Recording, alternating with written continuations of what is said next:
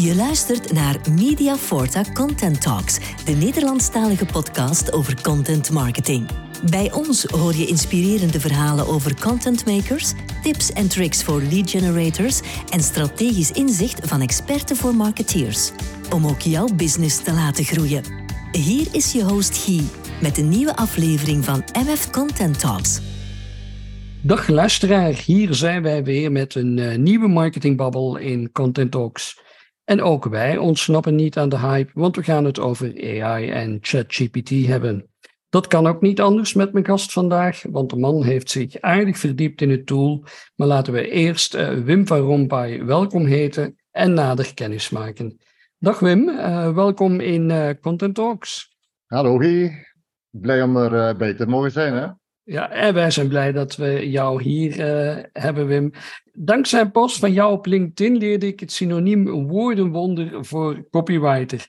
Eindelijk een uh, goed Nederlandstalig woord. Maar jij bent dus het uh, woordenwonder bij uitstek met een historiek van ontelbare schrijfsels. en tevens de drijvende kracht achter schrijf.be, toonaangevend producent van allerlei commerciële schrijfsels, maar ook trainer en kwaliteitsbewaker van tal van freelancers die woorden wonderen en het vak bij jullie leren. Het is wat voor iemand met een opleiding als apotheker, of is dat allemaal chemie?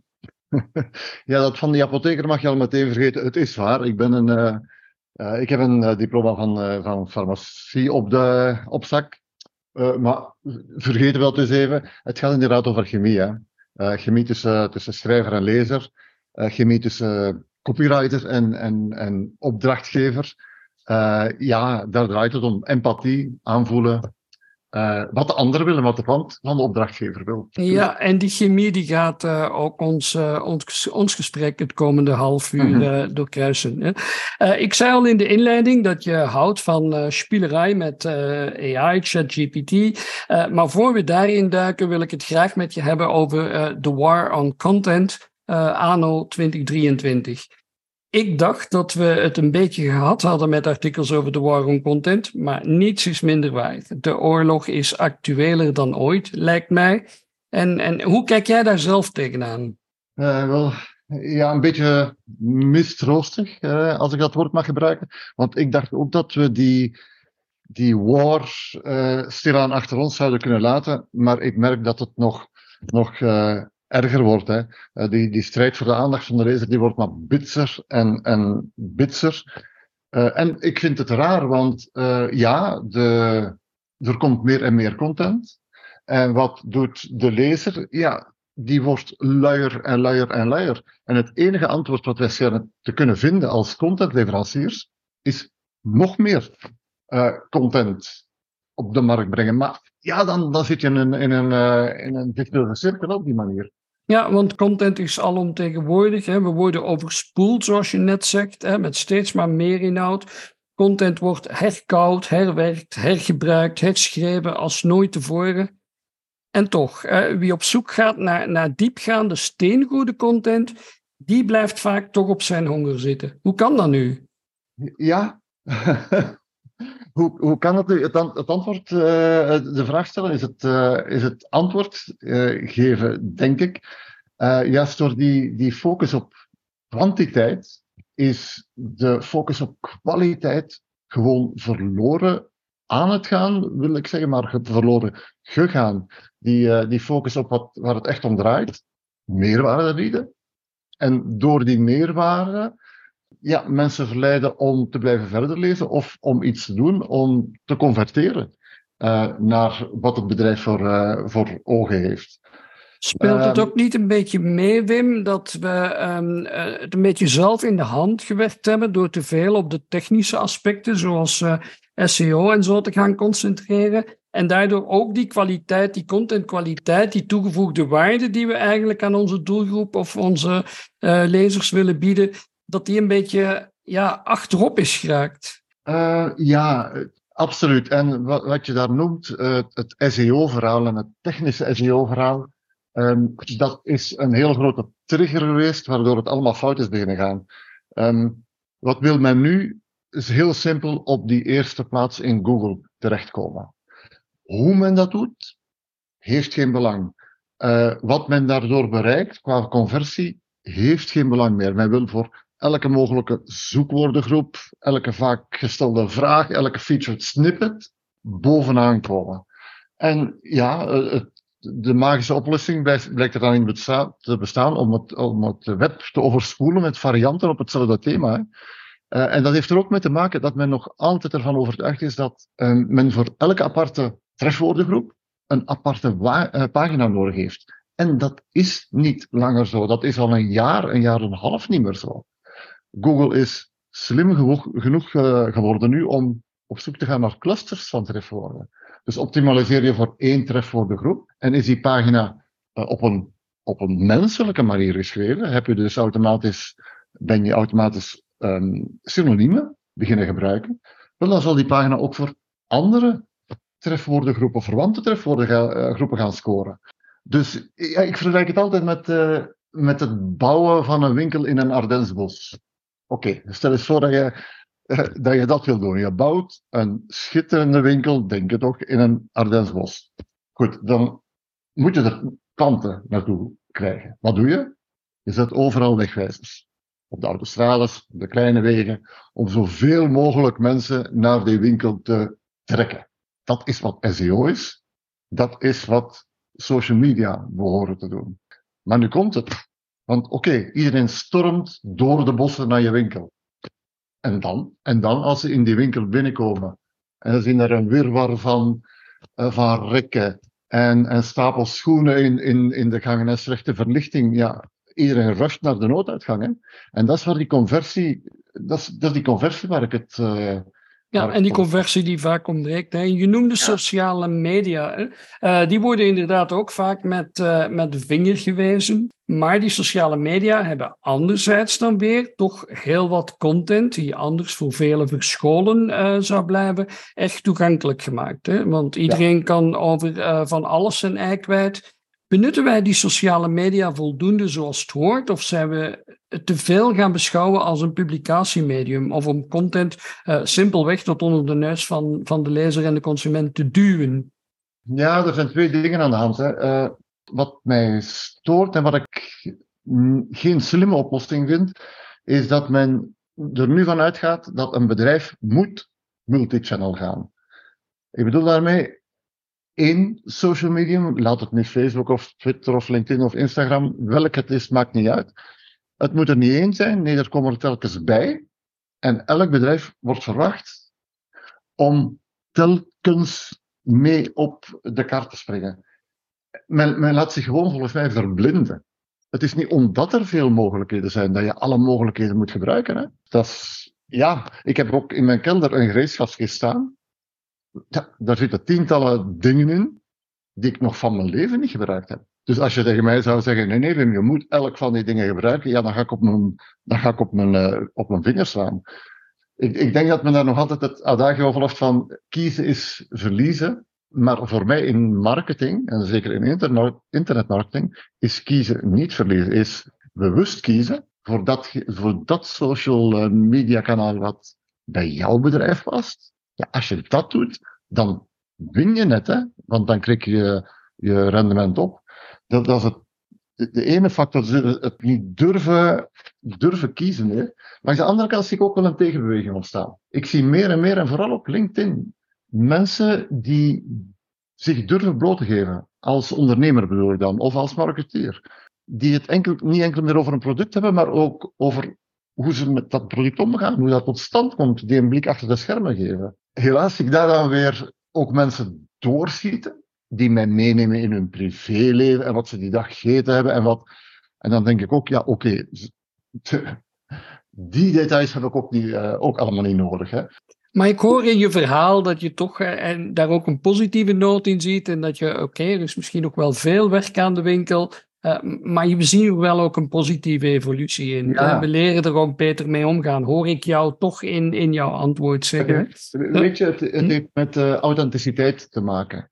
En ik denk als marketeers dat doorkrijgen, dat als je je authenticiteit voorop plaatst, authentiek blijven, met die blik achter de schermen, met wie je bent, met hoe je het doet, ehm, dat daar lezers wel een boodschap aan hebben. Ja, en dan krijgen we hopelijk ook minder bullshit uh, content. Hè? Ik, ik uh, hoop het met jou, ja. Ja, want, want met bullshit content bedoel ik dan zeker fake news, hè, dat, dat bewust bedoeld is om valse info te geven. Maar daarnaast is er ook nog heel wat andere niet-zeggende content. Hè. Als ik het gemiddelde overzicht bekijk van clickbait-titels en, en artikels die ik te pas en te onpas overal krijg voorgeschoteld dan denk ik toch soms, ja, wie leest dat allemaal? En, en toch is er blijkbaar een markt voor, of doen we het ergens voor? Hè? Uh, zijn wij ook een beetje contentverslinders of, of, of leeshoeren geworden? Dat we daar uh, dan toch nog intrappen? Zonder, zonder enige twijfel, en ik betrap mezelf daarop. Als ik de zoveelste clickbait-titel voor me zie, ja, ik klik erop. Hè, en terwijl ik weet op het moment dat ik klik, dit wordt niks.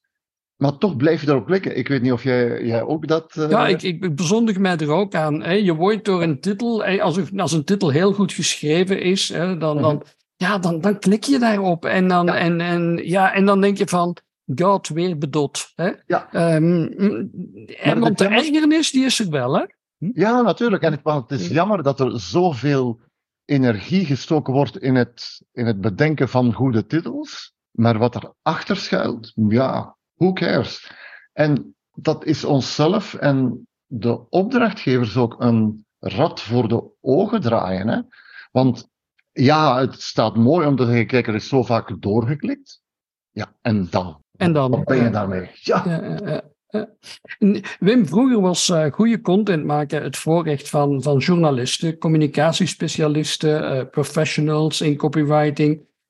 Vandaag leeft het idee bij veel bedrijven dat iedereen content kan maken. En, en recent schreef jij, uh, de AI-lawine zal het kaf van het koren scheiden in de wereld van tekstschrijvers. De AI-lawine, daar hebben we het zo dadelijk over. Maar kan je eens duiden wat je nu precies bedoelt met het kaf en het koren? Ja, ja, the bad and the evil. Uh, met het kaf bedoel ik, uh, dus wat er, wat er overblijft na het dorsen van, van, van het koren. Daar bedoel ik de explosie van content writers mee. En niet, niet de content, de content writers die het goed menen. Ik bedoel de zogenaamde content writers, die snel een artikel schrijven, maar geen goed artikel schrijven. Ik bedoel geen artikel met toegevoegde waarde. En het, het valt me op hoezeer daar de nadruk nu op ligt. Kan je snel schrijven? Oké, okay, you're hired. Maar de vraag is vaak niet meer, kan je goed schrijven? Schrijf je teksten die, uh, die mensen in, in, beweging, in beweging zetten? Nu, ik denk dan altijd bij mezelf, ja, uh, daar zal ChatGPT wel iets aan veranderen. Want als de vraag is, ik heb veel content nodig en het maakt me niet zozeer uit of die goed dan wel minder goed is. Ja, dan ben je een vogel voor de kat natuurlijk. Want ja, dan duikt ChatGPT op en dat is precies wat ChatGPT aflevert. Middelmatig goede teksten, maar in een, in een ja, op, op enkele seconden heb je ze op je bord. Hè? En uh, is dat toekomstmuziek? Wanneer? Multinationals doen dat nu al. Dus als ik een boodschap zou hebben voor wat ik dan zou noemen de modale content writer, en dat is niet misprijzend bedoeld hoor, maar voor de modale content writer, ja, school je zo snel mogelijk bij. Volg ChatGPT op de voet. Um, ga er zelf mee aan de slag, want het, het, is niet straks aan het gebeuren, het is nu aan het gebeuren. De, de Bastille is al bestormd, de, uh, ze is zelf al, al, al gevallen, dus hoog tijd om ermee aan de slag te gaan. Ja, en daarmee zijn we natuurlijk helemaal in dat uh, AI-verhaal uh, beland. Maar laat ons hopen dat de, dat de content writers die het goed menen, misschien ook wel door het goed gebruiken van de tools meer tijd krijgen uh, om wat meer research te doen, om wat betere teksten te schrijven, om hun teksten te herwerken uh, en te kijken of wat er genoeg actiepotentieel in zit uh, en, en dergelijke meer. die AI, volgens, de, volgens de een een bedreiging, volgens de ander een, een goddelijk tool. Ik neem aan dat de waarheid ergens in het midden ligt. Ja, dat doet ze ook. Hè. Uh, afhankelijk van of je mee op de kar springt of niet. En je noemde net de content writers die, die het goed menen. Wel, die moeten volgens mij van ChatGPT geen schrik hebben. Het zijn wel degenen die op dit moment uh, het licht niet zien, als ik het zo mag noemen. Laat me een voorbeeld geven. Vorige week had ik nog een, een, een content marketeer die me zei: Och Wim, ChatGPT, AI kan nooit zo creatief als een mens uh, worden. En ik heb hem geantwoord, uh, wel, volgens mij wel. Volgens mij is AI op dit moment al honderd keer creatiever dan de mensen. We zullen het daar dadelijk nog wel, nog wel over hebben, denk ik. Maar wat bleek?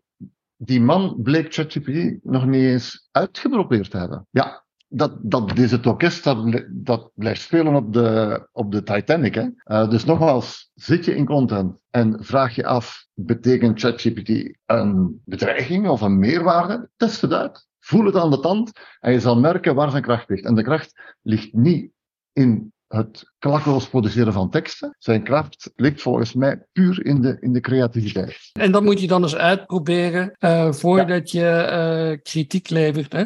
misschien heel kort schetsen voor de marketeers die naar ons luisteren. Wat kun je vandaag mee en wat kun je vandaag nog niet mee? wat ik niet zou aanraden op dit moment. En ja, je gaat misschien zeggen, Wim, je bent je eigen vak aan het verdedigen. Uiteraard doe ik dat, maar wat ik niet zou proberen op dit moment is betrouwen op teksten die ChatGPT aanlevert. Waarom niet? Ja, moet je gaan kijken naar uh, hoe ChatGPT werkt. Um, ChatGPT, om te beginnen, snapt zelf geen jota van de teksten die het oplevert. Want hoe werkt dat ding? Wel, dat gaat, schat eigenlijk gewoon in welk het volgende woord, welke de volgende groepen van woorden zullen zijn die op een woord volgen. Dus wat betekent dat? Dat de woorden die volgen, welke zijn de woorden die het meeste kans krijgen? Want dat zijn die woorden die ooit al eens in een bepaalde volgorde gestaan hebben. Maar dat betekent dus ook dat je automatisch ja, middle of the road teksten krijgt. Tekstvlarden die ooit ergens gepubliceerd geweest zijn. Dus ja, daar zou ik het niet voor gebruiken. Waar dan, waar dan wel voor? Voor die creativiteit. Als je angst voor het witte blad hebt, of als je zonder inspiratie valt. Het eerste wat ik nu doe, en met nu bedoel ik al sinds, sinds december, val ik eens even stil, um, zie ik het niet meteen, ChatGPT. En ik daag het, ik daag het gewoon uit. praktisch voorbeeld daarvan. Uh, ik gaf een webinar over ChatGPT. En mijn insteek was angst voor het witte blad.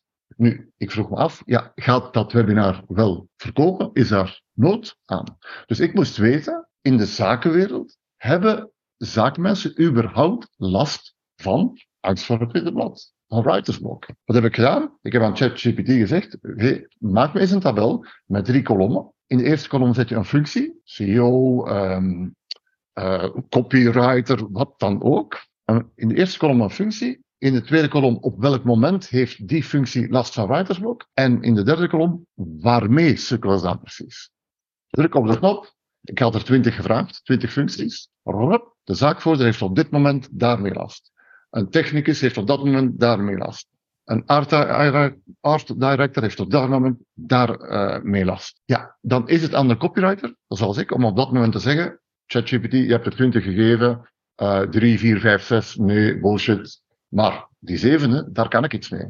En dat is een heel praktisch voorbeeld van hoe ik, wanneer ik iets verkoop en ik zoek naar use cases, ja, die geeft ChatGPT mij op een blaadje. Daar zou ik vroeger een dag over moeten nagedacht hebben. Nu, nu niet meer. Ik onthoud vooral, uh, Wim, uh, doordacht ermee aan de slag gaan. Want als je mhm. dat ondoordacht doet en, en de machines zijn werk laat doen, dan kan je de bal compleet misslaan ja. en, en, en je bedrijfsimago schade. Dus het is niet meteen verstandig om meteen te snoeien in de personeelskost van uh, je contentteam. Nee, zou ik zou ik absoluut, uh, zou ik absoluut niet doen. Want ja, uh, ChatGPT en, en consorten, hè, want er zijn er andere, ja, die hebben, sukkelen op dit moment nogal, met nogal wat problemen. Er is één, ja, de, de, het middle of the road karakter van, van de meeste teksten die het uitspuwt.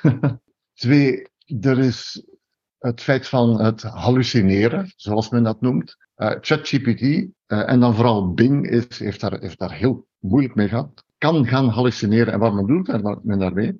Wel, die robots zijn gemaakt om jou ter wille te zijn. Je vraagt hen iets, chatten, en je krijgt een antwoord. Wel, zij proberen dat zo goed te doen dat als ze op een bepaald moment geen antwoord hebben, dat ze er dan een gaan fabriceren. En dat kan ver gaan hoor.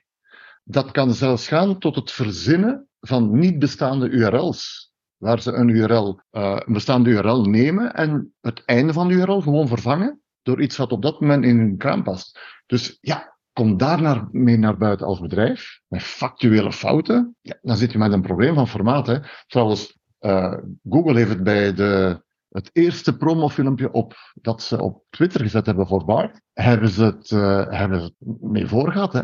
Dat maakte een factuele fout. Dat ging over welke telescoop voor het eerst planeten ontdekt had, exoplaneten.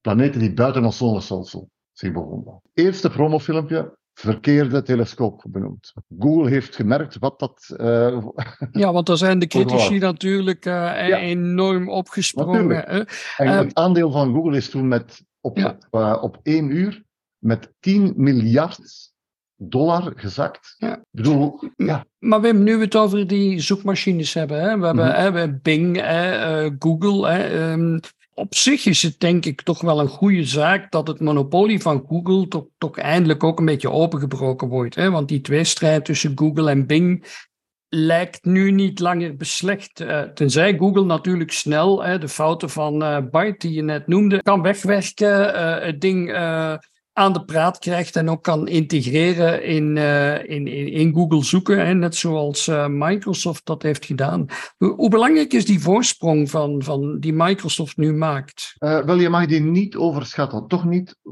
als je het over Bing of Bing Chat hebt, hè, dus het, het, het chat-uitsteeksel van de Bing zoekmachine.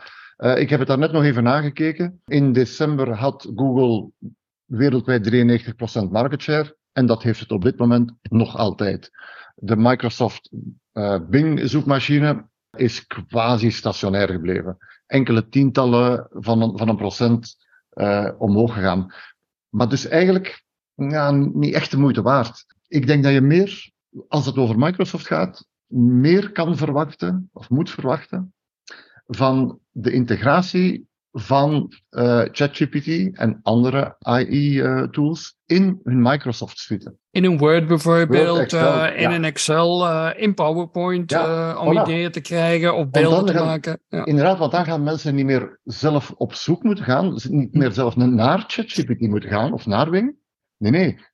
ze zijn aan het schrijven en er zal een, een AI sidekick naast hen zitten en zeggen van, oh, kijk, uh, daar dat woord, zou je dat door dat vervangen? Ja, het wordt bij, bij hen gebracht. Nu, je hebt gelijk als je zegt Google monopolie, dat is inderdaad zo. Ja, 93% market share, dat, dat, is, dat is niet meer kosher, dat is, dat is niet, meer, niet meer goed.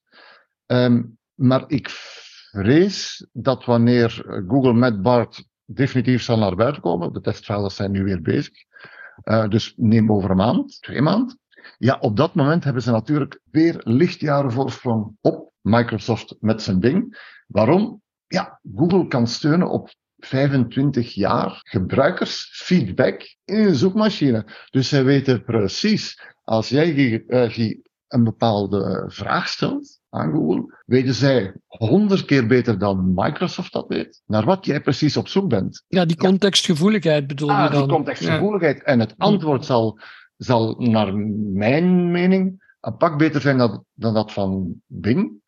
Uh, het is ook gebaseerd op een ander large language model, dus niet uh, op, op, GPT. Het is anders getraind. Dus ik, echt waar, ik kijk er wel uh, rijkhalzend naar uit hoor. Ja. En je had het daarnet ook over content, hè? Die, die, ja, die hallucinerende content, hè? content die helemaal geen waarheid meer heeft. Maar hoe gaan die zoekmachines daar vandaag trouwens al, al, al mee om? Zijn zij al intelligent genoeg om, uh, ja, hoe moet ik zeggen, valse content of, of AI uh, gegenereerde content daaruit te halen. En, en haalt dat ook onze, onze SEO-strategieën bijvoorbeeld uh, onderuit of, of niet noodzakelijk? Wel, ja, op het eerste deel van je antwoord mijn twijfelachtige nee op het, op het tweede deel. Ik, ik maak het even duidelijk. Ja, ze zijn zonder meer in staat om AI-content meteen te, te, herkennen. Kan je trouwens zelf ook. Hè? Als je AI-content, als je ChatGPT uh, een tekst gaat produceren, er zijn op het web genoeg uh, systemen die meteen kunnen zeggen, dit is echt 90% AI of dit is 98% menselijk of wat ertussen zit.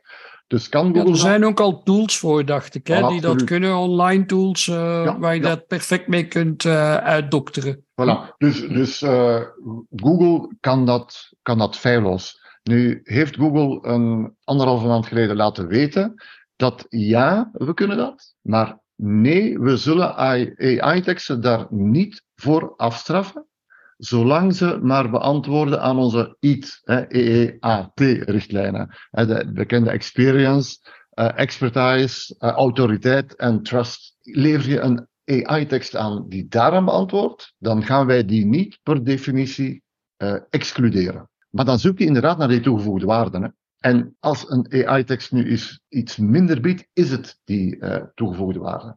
Ja. Dus En daar Ja. heeft Google nu weer de mogelijkheid om natuurlijk naar op zoek te gaan. Ze hebben de tijd, zo door hun marktpositie, hebben zij natuurlijk de tijd eh, om dat eerst wat te masteren, te tunen. Hè? Want, want eh, er klinken ook een paar stemmen op om, om AI al dan niet tijdelijk een, een halt toe te roepen. Hè? We hebben Elon Musk eh, gehoord daarover. Eh, al was dat denk ik grotendeels uit eigen belang, omdat hij nog wat tijd nodig heeft om, Ja. om, om zijn systemen naar voren te schuiven of daar toch over na te denken. In Italië zagen we dat ChatGPT een beetje in paniek van het internet is Mhm. gehaald. Eh, zo gezegd onder het mom van, van privacy schending.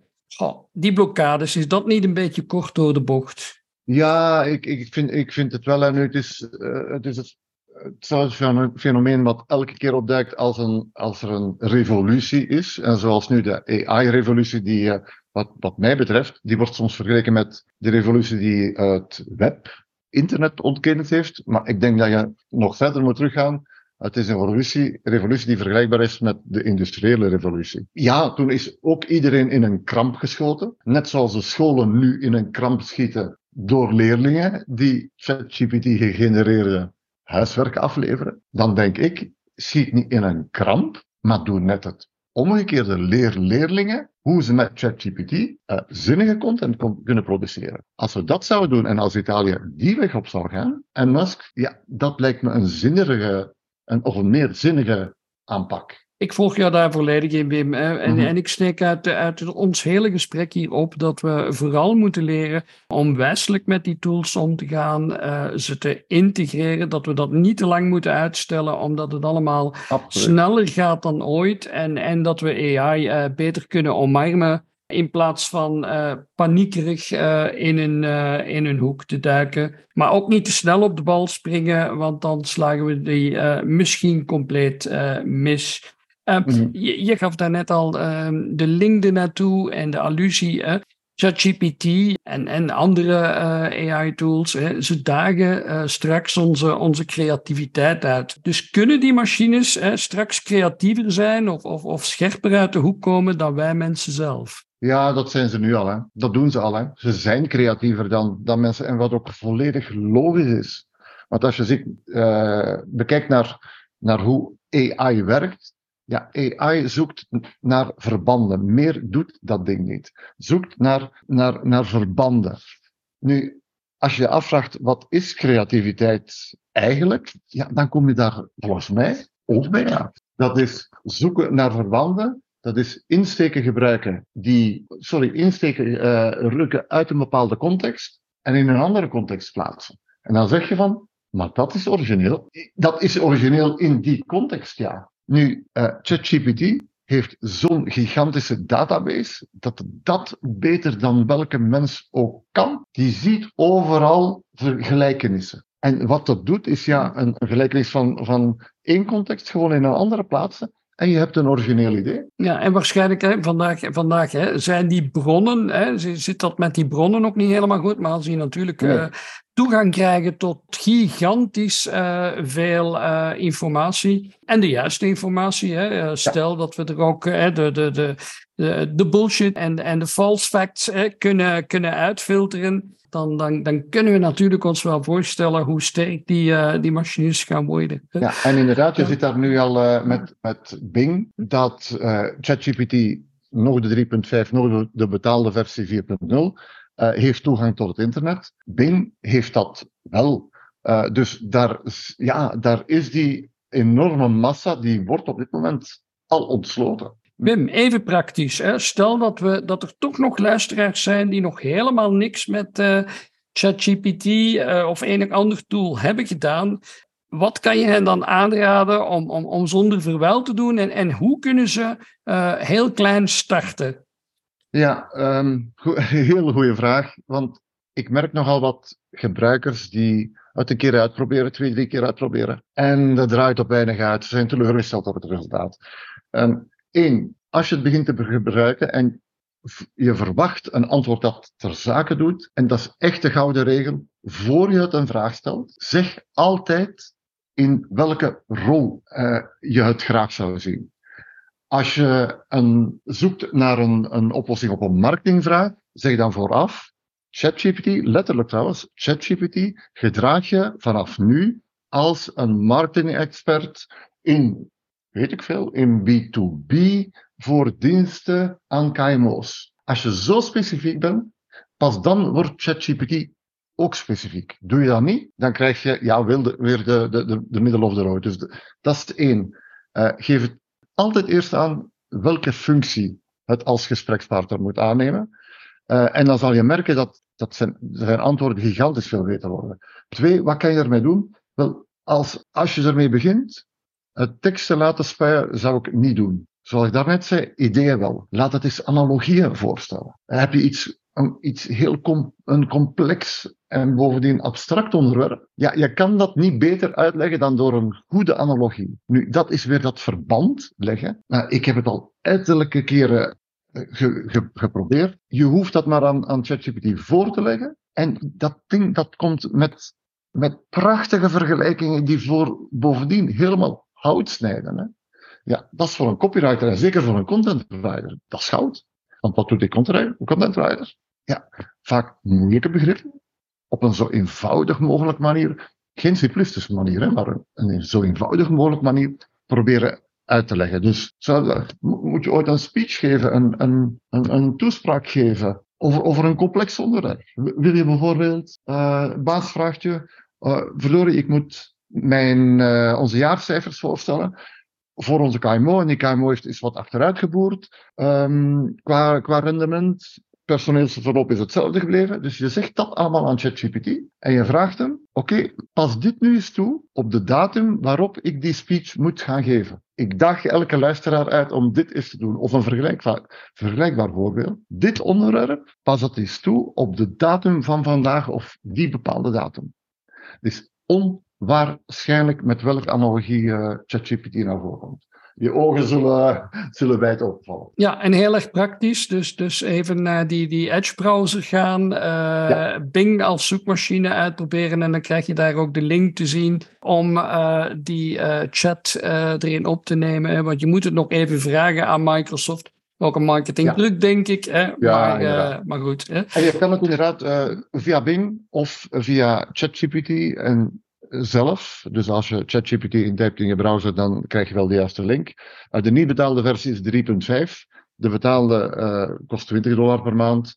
Wat voor mij een pulsje is, want de, de versie 4, hè, dat is de betaalde versie, is echt wel stukken beter dan de, dan de gratis versie. Wim, jij um, bent trouwens uh, ook in juni uh, te horen uh, op het Create-congres van Mediaforta. Dat is dat een event voor content creators, waar heel veel tips en, en do's aan, aan het bod komen. Wat ga jij daar voorstellen? Waar ga je het over hebben op Create? wel, daar ga ik het over, wat er net al aan bod kwam, over die creativiteit, die onvermoede creativiteit van ChatGPT uh, hebben. Dat zal het topic zijn. Um, ik ga een uur lang voorbeelden tonen. Het ene voorbeeld naar het andere, dus geen theorie, pure praktijk. We gaan samen ChatGPT aan de tand voelen. Het analogieën doen spuien, het ideeën doen spuien, het, het, dwingen om, om creatief te zijn. Daar ga ik een uur mee aan, uh, mee aan de slag, zodat er na dat uur niemand is die nog kan zeggen, oh, AI kan nooit zo creatief worden als een, een heel praktische sessie dus, met, uh, met heel wat uh, concrete voorbeelden. Eigenlijk zoals we dat van de trainingen van schrijf.be gewoon zijn. Ah, maar dat hoor ik graag. Kijk, blij dat je er op Create bij bent, Wim. Afspraak daar dus. Oké. Okay. Onze tijd is op, Wim. maar ik denk dat we over ChatGPT nog heel veel gaan praten. Hartelijk dank voor deze interessante babbel. En luisteraars die nog wat argwanig zijn, uh, weten nu ook wat hen te doen staat. Je hebt het gehoord, lieve luisteraar. Sla de goede raad van Wim niet in de wind. Ga ermee aan de slag. Al was het maar voor de fun en omdat het ook gewoon allemaal uh, erg leuk is. Uh, en hopelijk vond je het ook weer leuk en boeiend om naar Content Talks te luisteren, want daar doen we het tenslotte voor. Bedankt en tot uh, binnenkort. Dit was MF Content Talks. Volg onze podcasts op onder meer Spotify, Google Podcasts, Apple.com en nog meer kanalen. Op onze website mediaforta.com vind je het overzicht van al onze streams en onderwerpen. Zo hoef je niets te missen. Bedankt voor het luisteren en tot binnenkort.